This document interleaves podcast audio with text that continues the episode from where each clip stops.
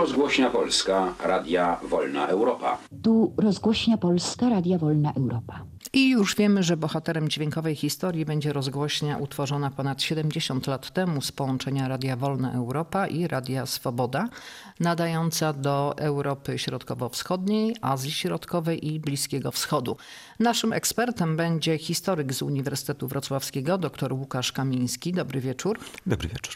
Towarzyszyć nam będą archiwalne nagrania za strony tu.prw.pl, za stołem realizacyjnym Anita Janczak, przed mikrofonem Alicja Mikłaszewicz. Zapraszamy. Pierwsze audycje w języku polskim, kilkunastominutowe, a później półgodzinny, powstawały w Nowym Jorku, według niektórych źródeł w 1950 roku i pocztą lotniczą przesyłane były do Niemiec. Mało znany wątek. Tak, on związane z tym, że no Radio Wolna Europa wówczas jeszcze nie miało tej marki, która później miała przez całe, całe dziesięciolecia. W tym czasie dużo większym zainteresowaniem Polaków cieszyły się chociażby audycje sekcji polskiej BBC, które trwały od II wojny światowej i były takim źródłem nieocenzurowane informacje o tym, co dzieje się na świecie, a także o tym, co dzieje się tak naprawdę w Polsce. I w tym pierwszym momencie, także ze względu na ograniczony czas nadawania, Radio Wolna Europa no, nie było znane zbyt wielu osobom i stąd też jakby ten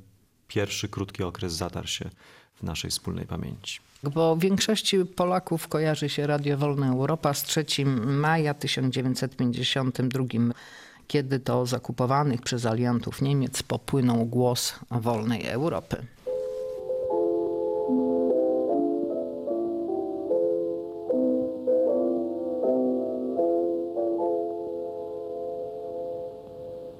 Admirał Harold Blaine Miller w imieniu amerykańskich przyjaciół Polski dnia 3 maja przekazuje bywemu kurierowi Armii Krajowej Janowi Nowakowi rozgłośnie pomoc między Zachodem a krajem. Captain Novak, on behalf of over 25 million Americans, I present to you this new station, Radio Free Europe, the voice of free Poland. Pierwsza audycja. Pierwsze, a więc wzruszeniem nabrzmiale słowa do kraju. Od tej chwili przestajemy być uchodźcami odciętymi od ojczyzny.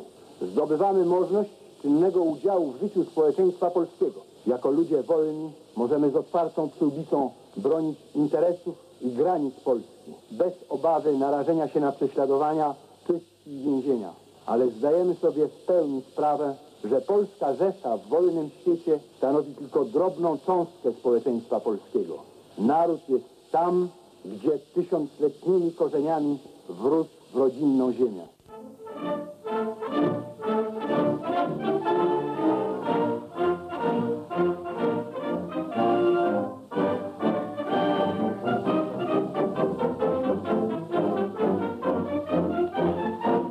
Mówi do państwa generał Władysław Anders. Drodzy rodacy, bracia nasi, przemawiam w dniu 3 maja, łącząc się z serdeczną myślą z wami, w tym zawsze dla nas uroczystym Dniu Święta Narodowego. Z ciśniętym sercem myślę o tym, co się dzisiaj w kraju dzieje. Wiem, jak życie wasze zamienione zostało w nieprzerwane pasmo ponurych dni niedostatku i coraz większej udręki. Przeżywacie ciężkie chwile poddani uciskowi wroga, który otwartym terrorem albo podstępną prowokacją i zatruwaniem umysłów narzucił Polsce żelazną obręcz swego aparatu państwowego, złożonego z agentów i bolszewickich siepaczy. Jak słyszeliśmy wcześniej, pierwszym szefem rozgłośni został kurier wojenny Jan Nowak-Jeziorański. Posłuchajmy, co wtedy powiedział. Otrzymujemy tę nową radiostację z rąk naszych amerykańskich przyjaciół w dniu święta 3 maja, które dla Polaków zawsze było i pozostanie symbolem nadziei. Nadejdzie jeszcze ten dzień, kiedy jutrzenka swobody zabłyśnie znowu nad Warszawą. Będzie to dzień waszego zwycięstwa, waszego triumfu, triumfu narodu, który w najgorszych chwilach nie utracił wiary. To był początek wolnej Polski? No, to był element y, polskiej drogi do, do wolności, niewątpliwie bardzo ważny ze względu na rolę, jaką później Radio Wolna Europa e, odgrywała zarówno w informowaniu Polaków, ale też e, no, chociażby w upowszechnianiu działalności opozycyjnej. Zwróćmy uwagę na nieco późniejszy okres lat, lat 70., kiedy pojawia się niezależne słowo, drugi obieg wydawniczy, ale te gazetki, ta bibuła mają stosunkowo niskie nakłady i większość Polaków nie jest w stanie ich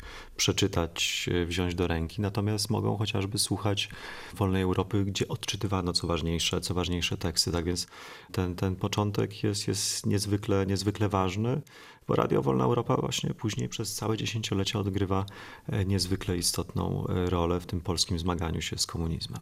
A kiedy tak masowo, za, masowo przesadzam, ale kiedy tak więcej Polaków zaczęło słuchać tej rozgłośni? No tutaj niewątpliwie, jeśli chodzi o zasięg e, Radia Wolna Europa, takim punktem przełomowym jest rok 1954, kiedy to na właśnie falach sekcji polskiej RWE zaczynają do kraju płynąć rewelacje, wyznania e, wysokiego funkcjonariusza aparatu bezpieczeństwa, pułkownika Józefa Światło, który mówi Polakom o tym, jak wyglądają kulisy komunistycznej władzy, w jaki sposób ta władza została zdobyta, jakie zbrodnie popełniono w czasie jej e, umacniania. E, I to jest absolutna sensacja, to jest coś, z czym wszyscy chcą się zapoznać. To posłuchajmy, kto pracował w rozgłośni, jak wyglądały audycje. Mówią Stanisław Elsner-Załuski i Jan Tyszkiewicz. Z życia polskiej emigracji politycznej.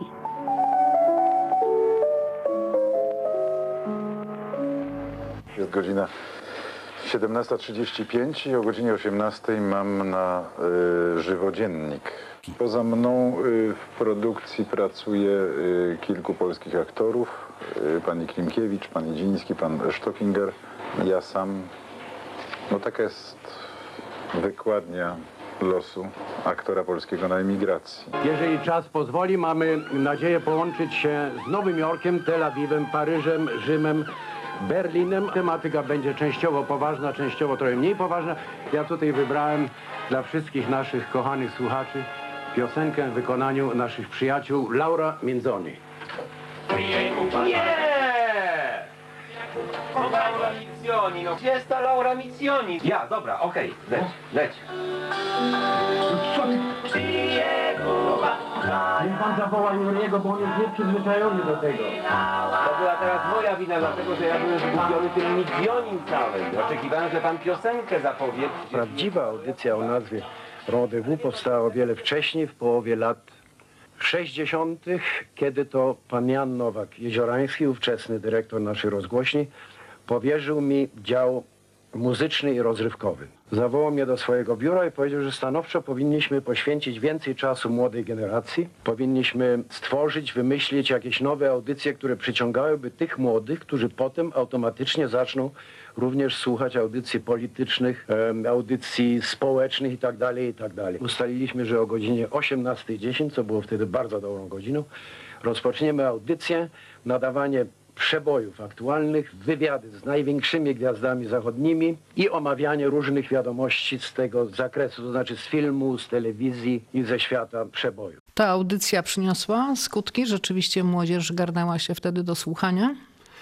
Z czasem tak. To, to pamiętajmy, był czas, kiedy e, słuchano różnych zachodnich rozgłośni po to, żeby mieć kontakt e, z współczesną e, muzyką. Oczywiście. Luksemburg, Radio No Luksemburg. właśnie Ra- Radio Wolna Europa, Radio Luksemburg nie było w tym zakresie w stanie przebić, ale tak naprawdę wszystkie kolejne generacje, można powiedzieć, wciągały się w to słuchanie Radia Wolna Europa. To już była po prostu taka utrwalona marka i świadczą o tym różne źródła. Oczywiście nie mamy takich dokładnych badań słuchalności jak, jak dzisiaj, ale ten poziom słuchalności zawsze był przynajmniej na poziomie kilkunastu procent, e, a warto wspomnieć, że zawsze gwałtownie rósł w momentach jakichkolwiek kryzysów, Kryzysów. kiedy ludzie potrzebowali prawdziwej, nieocenzurowanej informacji, chcieli się dowiedzieć, e, co się, e, co się wydarzyło, jak rozumieć te wydarzenia. I chodzi tutaj nie tylko o kryzysy wewnątrz PRL, ale także jakieś ważniejsze wydarzenia na arenie międzynarodowej. Jan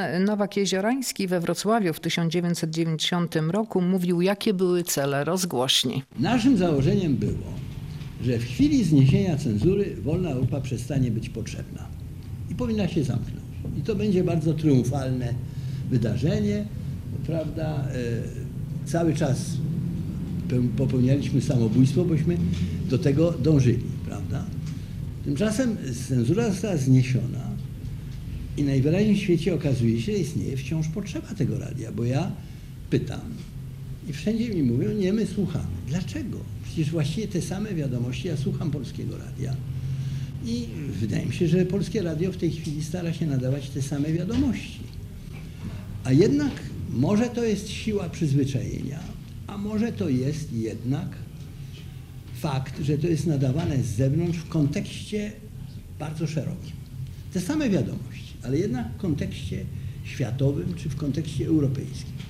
I że wolna Europa jest, znajduje zapotrzebowanie nadal jako pewnego rodzaju korespondent zachodni społeczeństwa polskiego. Nie jakiejś gazety, tylko że każdy może z tego coś usłyszeć w tym szerokim e, kontekście.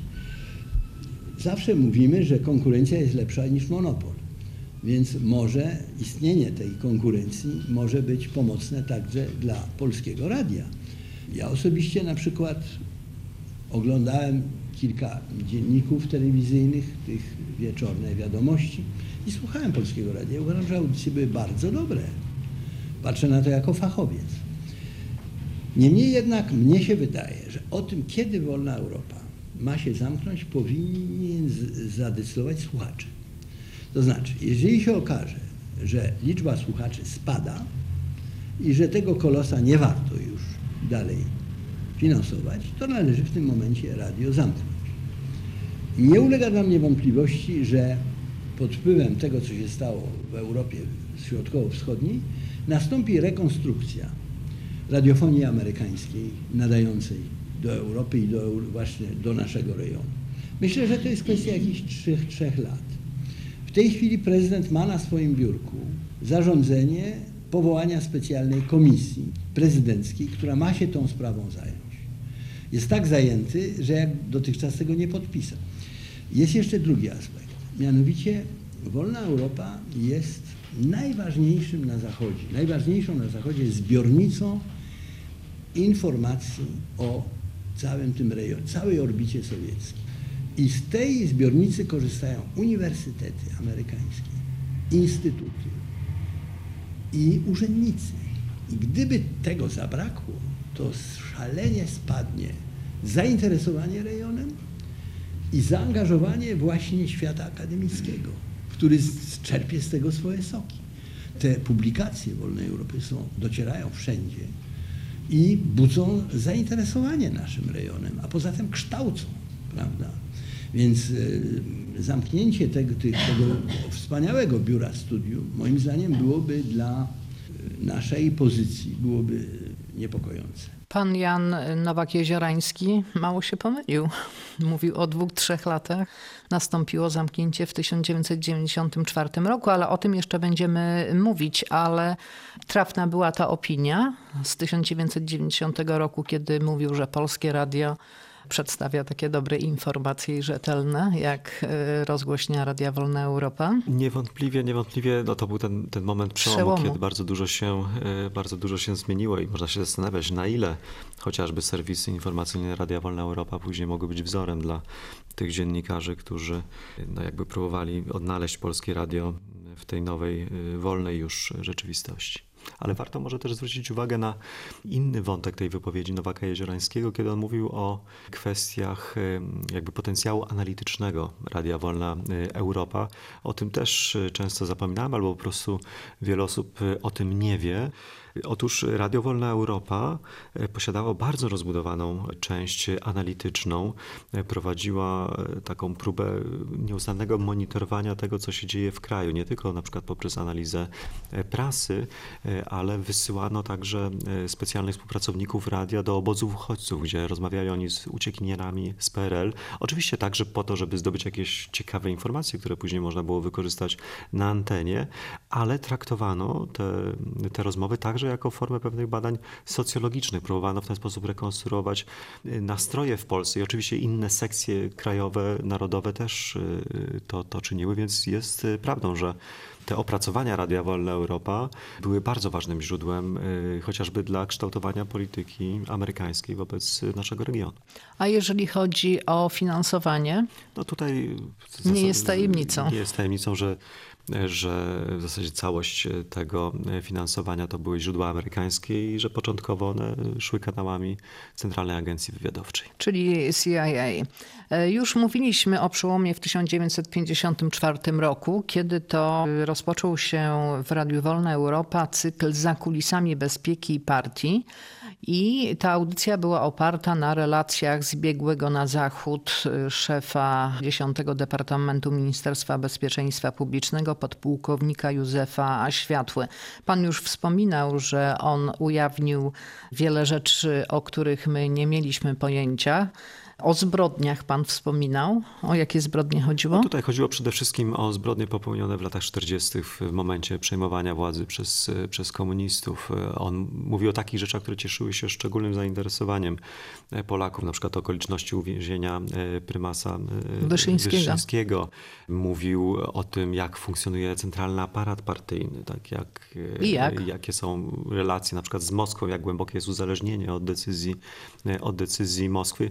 I można można powiedzieć, że w jakimś sensie były to rzeczy, których albo wszyscy się spodziewali, albo wręcz wiedzieli, tak? bo wszyscy Polacy, albo przynajmniej znaczna no, większość po prostu. wiedziała, że, że PRL jest państwem całkowicie uzależnionym od wschodniego sąsiada, ale czym innym było usłyszeć to właśnie od funkcjonariusza tak wysokiej rangi, który w dodatku podawał różne pikantne, pikantne szczegóły, troszeczkę czasem sugerował, że wie więcej, jeszcze nie wszystko, nie wszystko mówi. Także e, te audycje, pamiętajmy, robiły wrażenie nie tylko na e, społeczeństwie polskim, ale także zrobiły duże wrażenie na, na władzach PRL-u. A te pikantne szczegóły?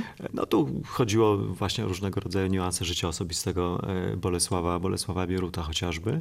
I jakby skutkiem tych audycji, to można powiedzieć był pierwszy wielki sukces polityczny Radia Wolna Europa, było to, iż e, po kilku miesiącach zlikwidowano Ministerstwo Bezpieczeństwa Publicznego, bo jakby można powiedzieć, ta marka była już no, zdradzona, tak, tak, tak z, też skompromitowana, skompromitowana. Że, że dokonano rzeczywistej zmiany, utworzono Komitet do Spraw Bezpieczeństwa Publicznego i ograniczono jego wpływ na rzeczywistość PRL, ponieważ jedna z najważniejszych rzeczy, była związana z tym, z tą właśnie funkcją, którą jako ostatnią pełnił światło. Dziesiąty Departament zajmował się inwigilacją samej partii. I to zostało wykorzystane po to, żeby jakby przywrócić tutaj właściwy z punktu widzenia partii porządek rzeczy, że to partia kontroluje bezpiekę, a nie bezpieka kontroluje, kontroluje no to partię. ciekawe. Jak w innych krajach też tak było? Znaczy demoludów? Tak, tak. To początek lat 50. to jest y, moment takich wewnętrznych rozliczeń, poszukiwania zdrajców nawet w najwyższych gremiach partyjnych, włącznie z szefami partii, którzy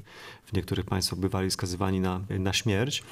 I później następuje ta reakcja, czyli właśnie e, to przywrócenie, e, przywrócenie kontroli partii. Tu przykładem może być Władysław Gomułka? Tak, w jakimś, w jakimś stopniu tak. On był jedną z ofiar, można powiedzieć, właśnie funkcjonowania 10 Departamentu MBP. To jego funkcjonariusze go uwięzili i przesłuchiwali. E, I on też został zwolniony wkrótce po, po likwidacji Ministerstwa Bezpieczeństwa. Niektórzy historycy mówią, że właśnie ta audycja za kulisami bezpieki partii przyczyniła się do wybuchu w październiku 1956 roku do tych przemian. Ona na pewno miała wpływ na te takie, jak to wówczas mówiono, odwilżowe nastroje w Polsce. Była jednym z czynników, na pewno nie, nie głównym. Tu jednak ważniejsze były te rzeczy, które wydarzyły się w samym 1956 roku, czyli śmierć Bieruta, tajny referat Chruszczowa na 20. zjeździe Komunistycznej Partii Związku Sowieckiego, wreszcie rewolta poznańskich robotników w czerwcu 1956 roku. Natomiast e, dla takiej wewnętrznej kompromitacji reżimu na pewno to odegrało dużą, e, dużą rolę. Jeśli mówimy o październiku 56, pamiętajmy, że wówczas no, też bardzo wewnętrzna była ta krytyka wewnątrz samej partii, czy E, czy wewnątrz jej organizacji e, młodzieżowej i przywoływano wówczas jak najbardziej właśnie te e, informacje, o których dowiedziano się z Radia Wolna Europa od, od pułkownika Światło i Pamiętajmy, że takim symbolem i czerwca 56 i później jesieni 56 było też niszczenie stacji zagłuszających. Tak? Mieszkańcy Poznania zrzucili ją z, z jednego z gmachów, później Na przykład w listopadzie 56 spalono taką stację zagłuszającą w Bydgoszczy.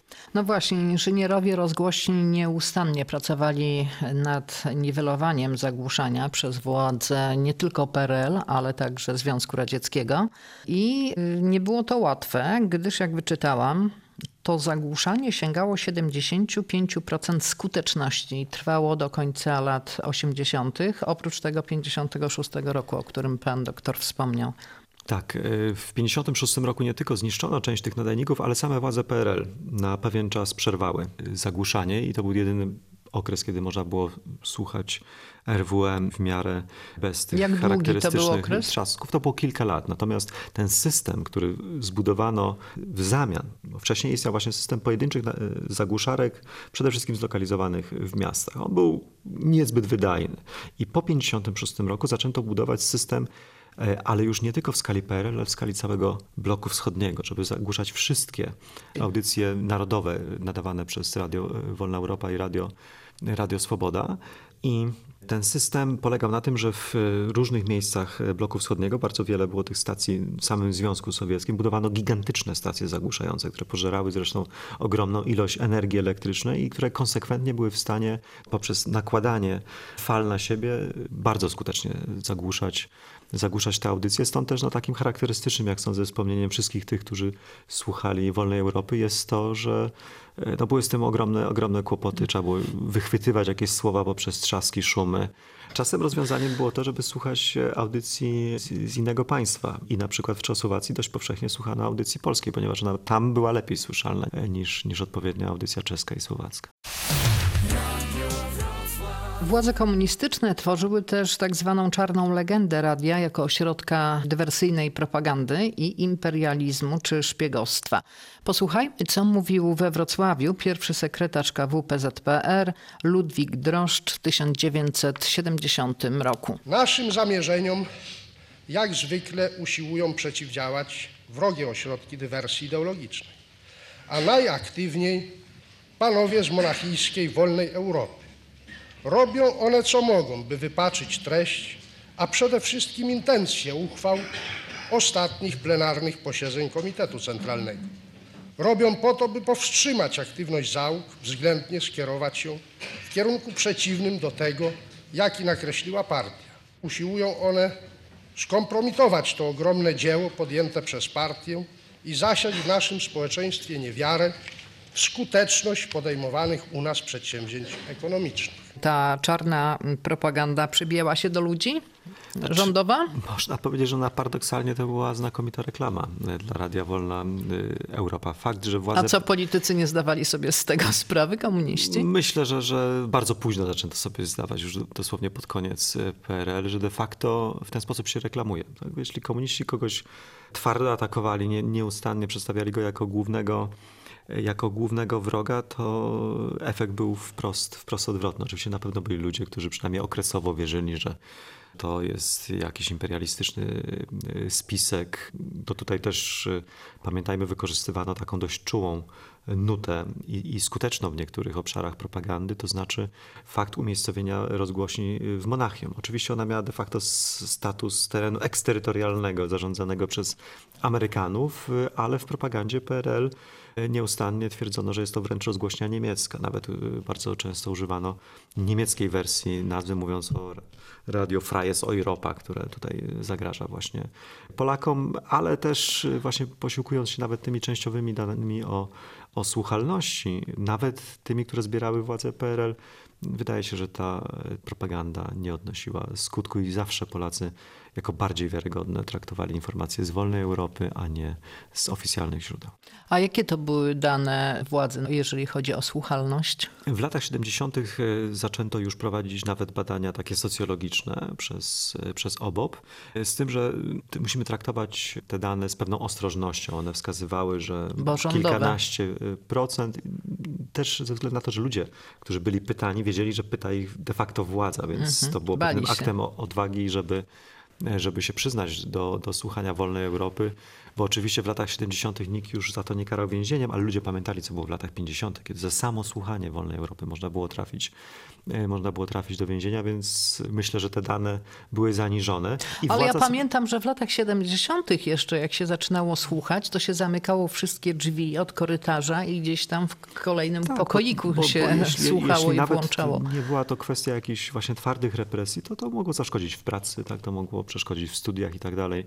Więc y, no, te badania miały ograniczoną wiarygodność i dlatego też y, czasami wprzęgano w te badania nawet służbę bezpieczeństwa i, i na przykład prowadzono takie operacje, iż tajni współpracownicy mieli y, jakby zorientować się, ile osób w ich otoczeniu słucha Radia Wolna Europa i próbowano z tego wyciągać jakieś, jakieś wnioski. No to wszystko są dane nieprecyzyjne, ale możemy zakładać, że tak dość regularnie na co dzień jakieś 15-20% Polaków słuchało Radia Wolna Europa. No jak sądzę dzisiaj każda rozgłośnia by pozazdrościła takiego udziału w rynku. Jednym z, z, pracowników Radia Wolna Europa był początkujący pisarz Tadeusz Nowakowski. Posłuchajmy. Przyjechaliśmy z różnych stron świata, z Nowego Jorku, z Londynu, z Paryża, ze Szwajcarii i także z Niemiec. Wszyscy byli zespoleni jedną ideową E, taką gwiazdą zaranną i przewodnią na niebie. Nikt nie pytał o honoraria, o warunki pracy. Byli tacy, którzy nie chcieli wychodzić w nocy ze studia, bo bali się, że nieprzyjaciel wykorzysta ten moment i wtargnie do tego bastionu wolności. Wolna Europa wtedy nazywała się Głosem Polski i w Monachium, mimo przestróg niektórych zawodowych Polaków, że nie powinniśmy na ziemi niemieckiej przemawiać do Polski, jednak ten transatlantyk został spuszczony na flukta historii. Pierwszy dzień był niebywały, wszyscy czuliśmy się żołnierzami wezwanymi na pierwszą linię frontu.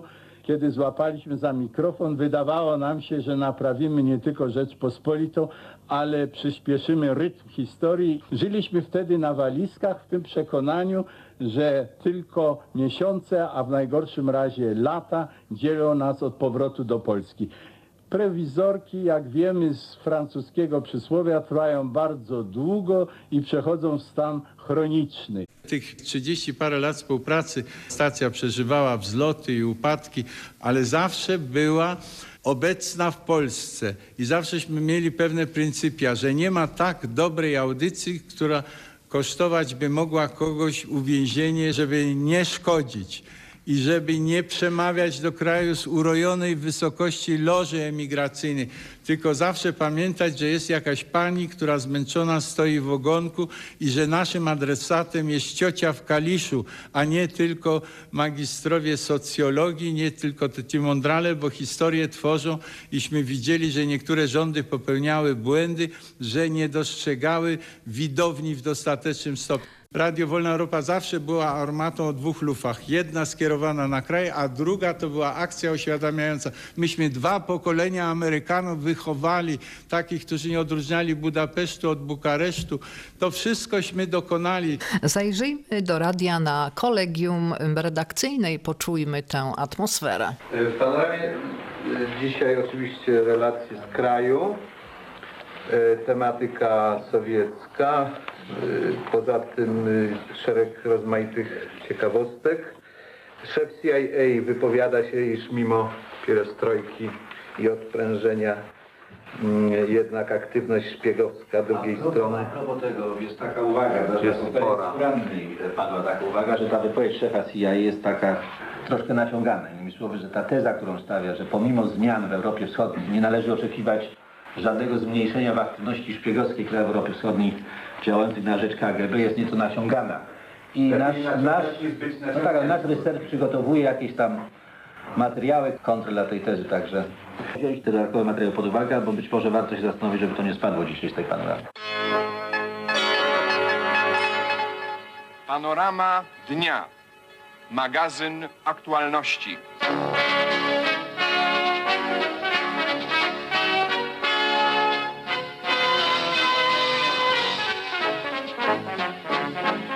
To wróćmy znów do tej dywersji politycznej, o której mówiły władze w Warszawie. E, w 1971 roku pierwszy sekretarz KCPZPR Edward e, Gierek przyjechał do Wrocławia na konferencję e, PZPR do Śląskiego Okręgu Wojskowego. Prowadząc konsekwentnie politykę pokoju, nie wolno nam jednak ulegać iluzjom i zapominać o tym, że w świecie imperializmu istnieją silne i wpływowe tendencje do zaostrzenia sytuacji międzynarodowej. Trzeba jednocześnie pamiętać, iż te ogniska, wprawdzie przestrzennie od nas dalekie, stwarzają potencjalne możliwości rozszerzania. Każda sytuacja zapalna, obiektywnie rzecz biorąc, stwarza możliwość przerzutu strefę naszego bezpośredniego bezpieczeństwa.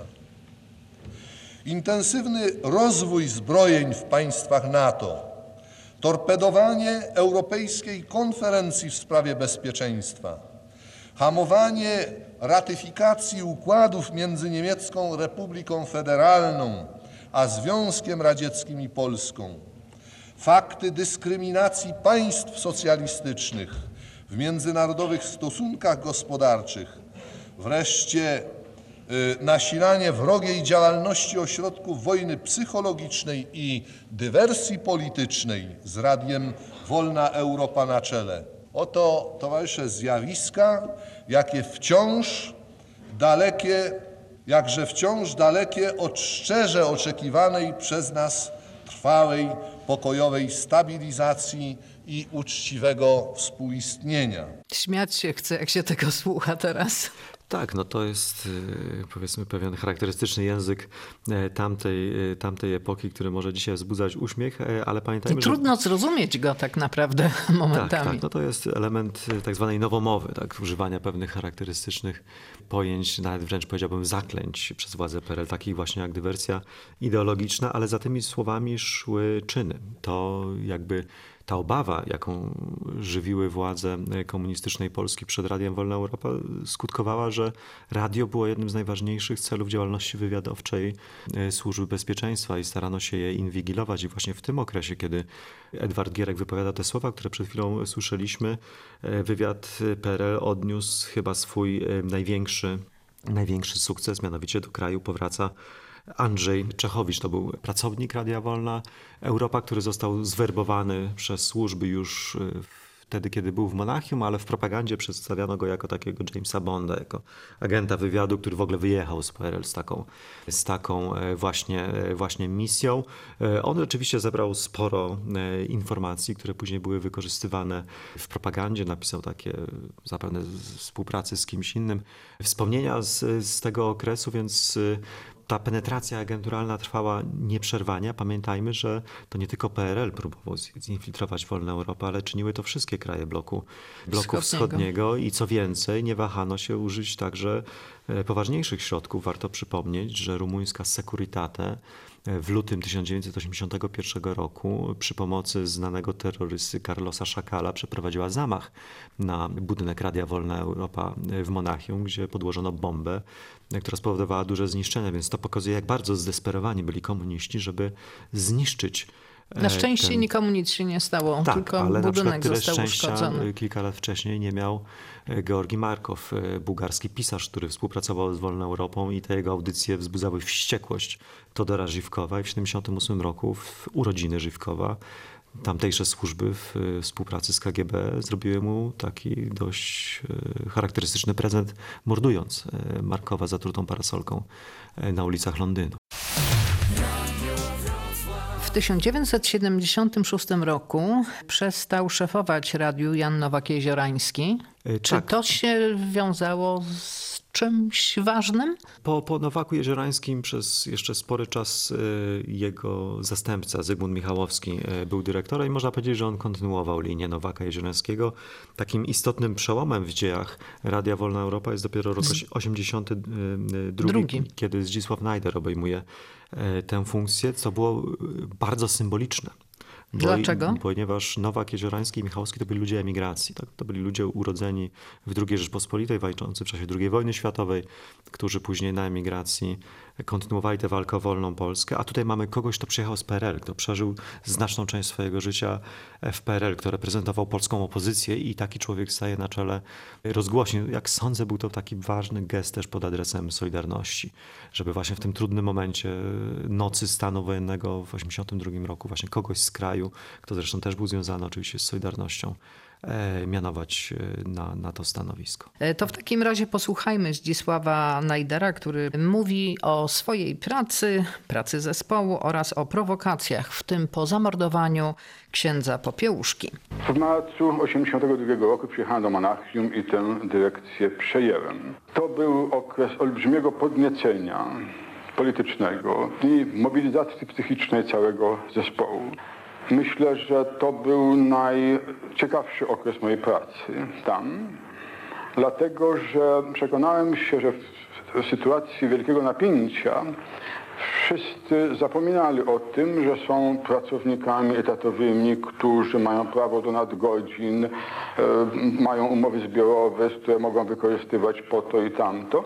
W Polsce się działo mnóstwo, bardzo wiele się działo pod powierzchnią i trzeba było się w tym wszystkim jakoś połapać. Jednocześnie trzeba było wystrzegać się prowokacji. Tych prowokacji w ciągu tych pięciu lat, kiedy kierowałem rozgłośnią, było sporo. Najważniejsza i najbardziej niebezpieczna to prowokacja zdarzyła się po zamordowaniu księdza Popiełuszki, kiedy ja dostałem w nocy od dobrze znanej osoby przekaz z Warszawy, że znaleziono zwłoki księdza Popiełuszki w basenie wodnym koło Inowrocławia, a to było na trzy dni przed znalezieniem zwłok. Co pan doktor o tym sądzi? No, być może była to jakaś próba rzeczywiście prowokacji, tak? bo gdyby Radio Wolna Europa e, ogłosiło przedwcześnie, tak? czyli przed e, tym momentem, kiedy zwłoki księdza Jerzego zostały fizycznie odnalezione, no to byłby taki powiedzmy dowód dla was PRL, że być może tu właśnie jacyś w ogóle agenci imperializmu stoją za, za tą zbrodnią.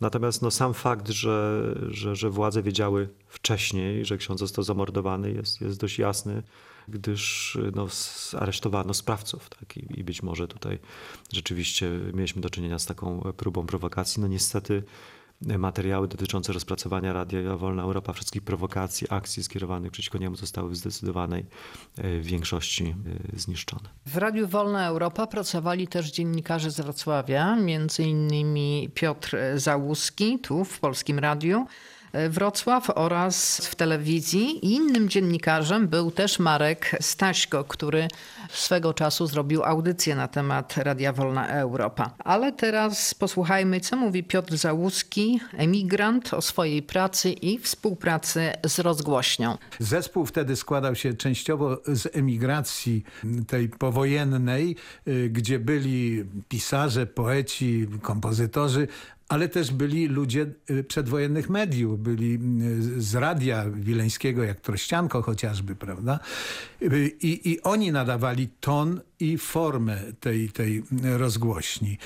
Ta rozgłośnia po kilkunastu latach zaczęła trochę ewoluować. To znaczy właśnie to, o czym wspominał Tadeusz Nowakowski. Chodziło o to, żeby nie przemawiała zambony do, do rodaków w Polsce, bo miała tę przewagę, że y, wiedziała więcej o tym, co się dzieje w Polsce, znała kulisy tego wszystkiego i mogła oświetlić kontekst międzynarodowy wydarzeń polskich, ale nie chodziło o to, żeby tak potrącać i pouczać słuchacza. Alina Grabowska jest jeszcze przykładem właściwie trochę fachowego dziennikarstwa, bo to przecież osoba, która w prasie łódzkiej pracowała.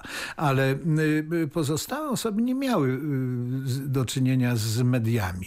To byli częściowo naukowcy młodzi, częściowo inni jacyś przy czym tak, trzeba powiedzieć, że ta rozgłośnia nie miała zbyt wielkiej szansy rozwijania swoich y, form, ciekawych form radiowych, ze względu na zagłuszanie chociażby, ale mimo wszystko od, miała muzyczne audycje, miała słuchowiska, y, czyli teatr wyobraźni działał, miała kabaret swój, prawda, choćby kabaret Hemara, który w Londynie nagrywał audycję.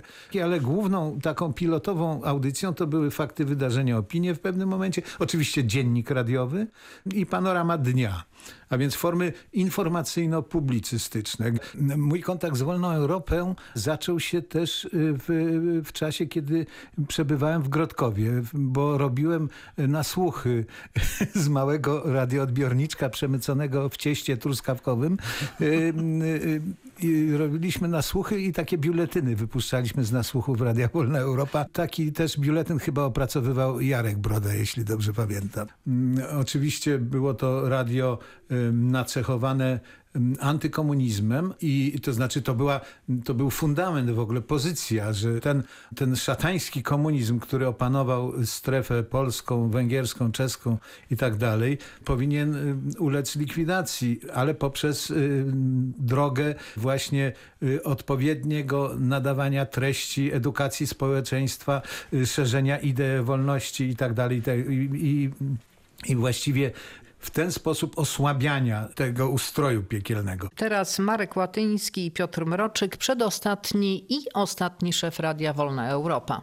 Uważaliśmy się zawsze za sługów polskiego społeczeństwa. Ta rola się nie zmieniła. Uważaliśmy zawsze, że zmiany są konieczne, że ten system jest nieznośny, że musi przyjść jego zmiana. Wobec tego nie było dla nas jako stacji, jako zespołu problemu poparciu tego. Zmiana tonu? Nie. Nie sądzę. Ale to zresztą pewnie lepiej powiedzieliby słuchacze. Różnica pomiędzy nami, jak sądzę, a innymi polskojęzycznymi rozgłośniami polega chyba na tym. Po pierwsze, jeśli rozgłośnie w rodzaju Głos Ameryki czy BBC są niejako przyczółkami demokracji, dla uproszczenia, w Polsce, to my jesteśmy raczej polskim przyczółkiem na Zachodzie. My jesteśmy tym mostem, przez który będzie łatwiej, mamy nadzieję, przejść polskiemu społeczeństwu do zachodniej cywilizacji. Nie jest to kwestia tylko semantyki, jest to kwestia moim zdaniem naszej tradycji, naszej wiarygodności. A radio zakończyło działalność w czerwcu 1994 roku. To jest sygnał magazynu porannego Radia Wolna Europa. Program ten jest jedyną polskojęzyczną audycją nadawaną na żywo z dwóch miast, Warszawy i Monachium. Korespondenci z całego świata. Tadeusz Zachórski, RWE, Waszyngton. Andrzej Więckowski, RWE, Berlin. Jerzy Becker, RWE, Nowy Jork. Marek Lenert, RWE, Rzym. Piotr Wit, RWE, Paryż. W magazynie porannym RWE innymi przeglądy prasy amerykańskiej, niemieckiej, francuskiej i krajowej, najnowsze notowania giełdowe i kursy wymiany walut, informacje o sytuacji na przejściach granicznych, aktualne relacje i komentarze na temat głównych wydarzeń krajowych i światowych oraz wiadomości.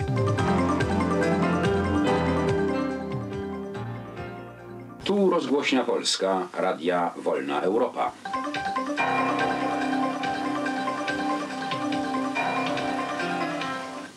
Dzień dobry. Pół minuty po godzinie szóstej rozpoczynamy magazyn poranny rozgłośni Polskie Radia Wolna Europa. Za chwilę wiadomości.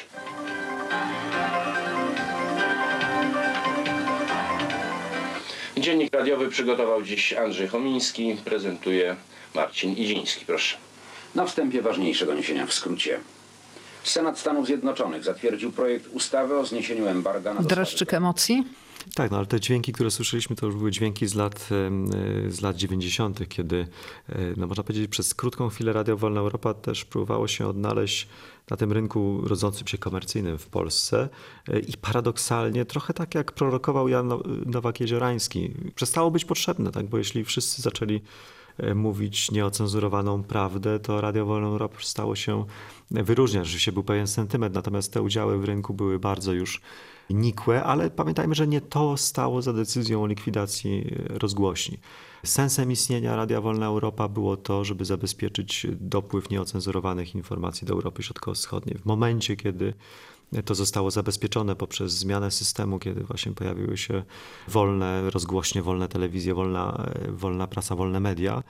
Amerykanie uznali, że nie ma sensu dalej finansować tego przedsięwzięcia, ale pamiętajmy, że jakieś pozostałości tego radia istnieją do dzisiaj na przykład w internecie. Oczywiście nie mówimy tutaj o sekcji polskiej, ale chociażby Radio Swoboda wciąż aktywnie działa w internecie, ponieważ no, niestety Rosja jest wciąż w takiej sytuacji, że potrzeba dostarczania Rosjanom e, prawdziwych informacji. Panie doktorze, ile kosztowało Amerykanów Radio Wolna Europa? Tego wciąż e, nie wiemy. Niewątpliwie były to dziesiątki, jeśli nie setki milionów dolarów. Pamiętajmy o skali przedsięwzięcia, o tych kilkunastu redakcjach. Kilkudziesięciu narod, latach. Narodowych, kilkudziesięciu latach. Pamiętajmy o tym, że w różnych okresach radia podejmowano także inną działalność. Na przykład w latach 50. były tak zwane akcje balonowe, kiedy drukowano i wysyłano chociażby do Polski czy ulotki, czy różnego rodzaju e, broszury, ale ile by to nie wyniosło, to był to zaledwie ułamek e, tego, co chociażby wydawano w tym czasie na zbrojenia.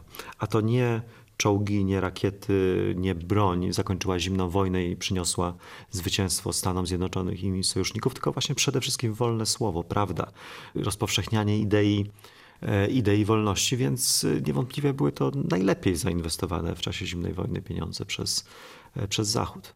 Władze PRL-u y, wydawały ogromne pieniądze także na zagłuszanie tych audycji. Wiadomo, ile to było? Tego niestety też nie wiemy, zwłaszcza, że tak jak mówiłem wcześniej, po 1956 roku zbudowano już ten system, który był oparty na pewnych rozliczeniach e, i, i, i częściowo to zagłuszanie było prowadzone spoza granic e, Polski, Polski Ludowej, ale zważywszy na to, jakie technologie wykorzystywano, jak bardzo one były energochłonne i też jak szeroko zakrojona była ta operacja, to niewątpliwie był to bardzo duży koszt, zwłaszcza dla niewydolnych gospodarek bloku wschodniego.